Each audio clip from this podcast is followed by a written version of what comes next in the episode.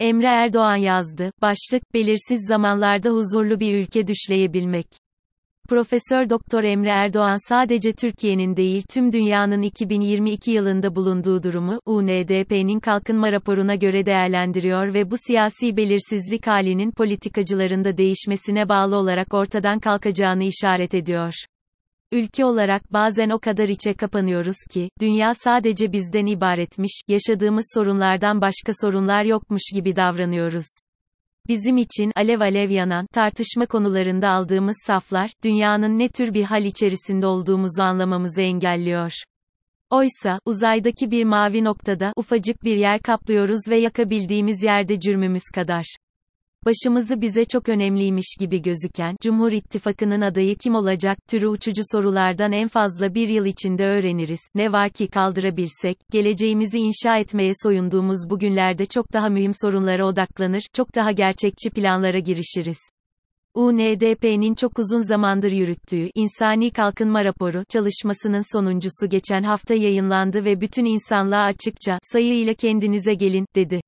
İnsanlığın halini sadece kişi başına düşen milli gelir ya da ihracat rakamlarıyla değil, ülkelerin vatandaşlarına nasıl bir yaşam sağladıklarına odaklanarak tasvir etmeyi amaçlayan raporun bulguları hayli kötümser. Belirsiz zamanlar, huzursuz yaşamlar, dönüşen dünyada geleceğimizi şekillendirmek, başlığı taşıyan rapor, basit bir gerçeği vurgulayarak başlıyor, ülkelerin %90'ı 2020 veya 2021 yıllarında insani gelişmişlik açısından gerileme kaydetmiş. Bu sayı 2020 yılında 87, 2021 yılında 51'miş ve bu ölçümün yapılmaya başlandığı 1991 yılından bu yana, 2008 finansal krizinde bile böyle bir gerileme görülmemiş durumda. Meraklısı için Türkiye bu endeksteki 48. olan sırasını korumuş hatta endeks değerinde çok az da olsa artış olmuş 2021 yılında. Endeksin girdilerinden biri kişi başına düşen gelir olduğundan, muhtemelen bizim 2022 sıralamamız bundan hayli geride olacak, onu şimdiden söyleyelim. Küresel gerilemenin sebeplerini tartışan uzmanlar, içinde yaşadığımız hayatın belirsizliğinin böyle bir düşüşe yol açtığı kanısındalar. Belirsizlik insanın aşina olduğu bir hal, ancak içinde bulunduğumuz zamanın getirdiği yeni belirsizlikler, yaşamımızı ve iyi olma halimizi doğrudan etkiliyor. Yeni zamanın yeni belirsizlikleri neler? Bir bakalım. Birincisi antropozun, yani insan çağı. İnsan yapımı nesnelerin toplam ağırlığının dünyadaki diğer tüm canlıların ağırlığını aştığı bir çağa işaret ediyor. Biraz da apokaliptik bir felaket senaryosunu anlatıyor. İnsanların dünyaya doğal afetlerden daha fazla tehdit oluşturmaya başladığı söyleniyor. Nükleer savaş, insan kaynaklı iklim değişikliği ve bayoçeşitliliğin kaybolmasının yanı sıra nereye varacağını bilemediğimiz yapay zeka, genetik mühendislik ya da nanoteknoloji gibi teknolojik atılımlarda bu tehditler arasında. Laboratuvardan firar eden bir virüs ya da aşırı gergin ülkeler arasında bir biyolojik savaş, çok da imkansız senaryolar değil. İkinci belirsizlik kaynağı toplumların yaşadıkları değişimden kaynaklanıyor. Rapor yazarlarına göre şu anda tarım toplumundan sanayi toplumuna geçişten daha radikal bir değişim içerisindeyiz ve bu değişimi nasıl yönetebileceğimizi bilmiyoruz. Örneğin Ukrayna Savaşı'nın da gösterdiği üzere enerji kaynaklarına bağımlılığımız yaşam tarzımıza önemli bir tehdit oluşturuyor ve daha sürdürülebilir üretim ve tüketim biçimlerine hala daha çok uzağız. Hükümetler bu konuda iyi niyet beyan ediyor ve bazı politikalar uygulamaya koyuyorlar ancak düşük karbon ekonomisine, geçişe sanayi ya da finansal kuruluşların nasıl uyum sağlayacağı, hatta uyum sağlayıp sağlayamayacağı belirsiz. Bu geçiş süreci toplumda mutlaka kaybedenler yaratacak, bu konuda da önlemler alınmış değil. Teknolojik gelişmeler de toplumsal değişimi tetikliyor. Üretimin otomatikleşmesi birçok kişinin işini kaybetmesine yol açarken, zaten kırılgan olan düşük ve orta gelişmişlikteki ülkeler bu geçişe uyum sağlayamıyor. Sosyal medya hem dünyaya bakışımızı belirliyor hem de nefret söylemi ve aşırı sağ hareketlerin yaygınlaşmasını kolaylaştırıp bazı grupları hedef haline getiriyor. Buna yanlış bilginin de sosyal medya üzerinden yayıldığı gerçeğini de ekleyelim. Uzmanların sıraladıkları üçüncü belirsizlik kaynağı bize yabancı değil, kutuplaşma.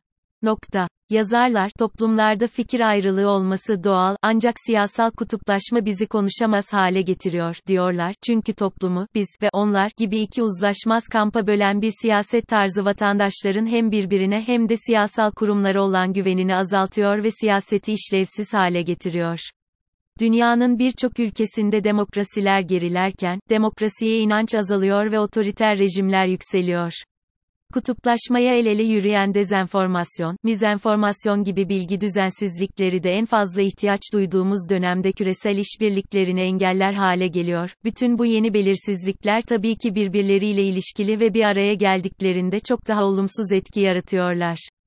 Küresel olarak insanların daha mutsuz ve daha öfkeli olduğu bir dönemdeyiz. Zihinsel ve ruhsal rahatsızlıklar özellikle kadınlarda çok daha fazla artıyor. Yaşanan ekonomik ve sosyal gerilimlere en fazla kadınlar maruz kalıyorlar çünkü.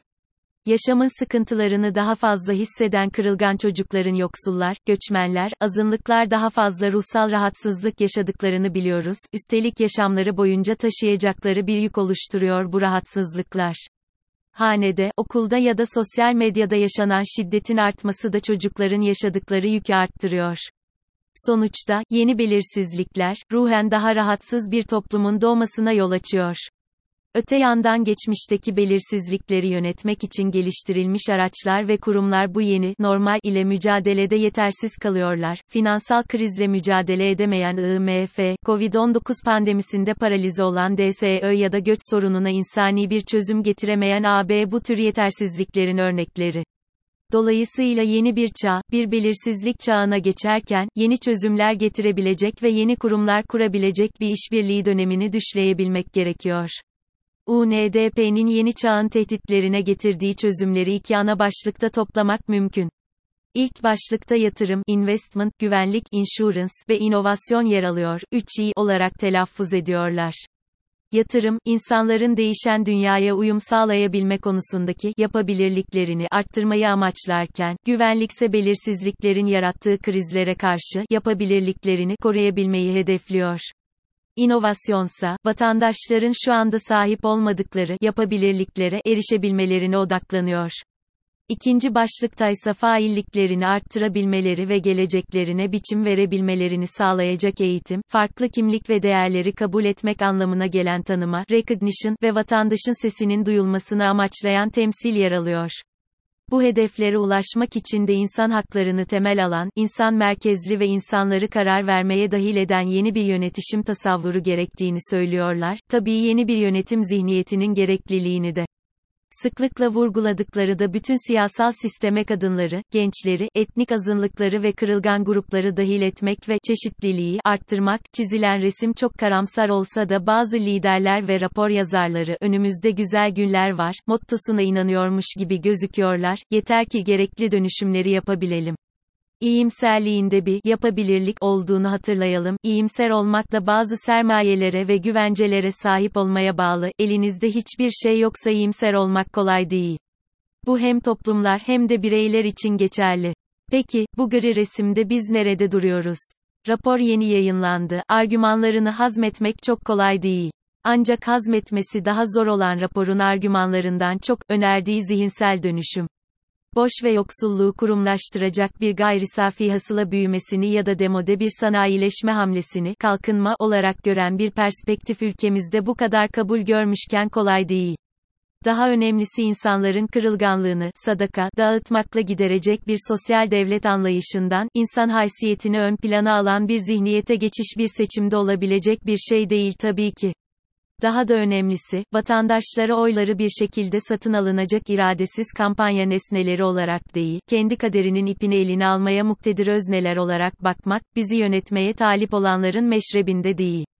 O yüzden, ülkemizin bu kadar belirsiz bir gelecekte, vatandaşlarına huzurlu bir gelecek arayışında bulunabilmesi, sadece politikaların değil, politikacıların da tamamen değişmesini gerektiriyor.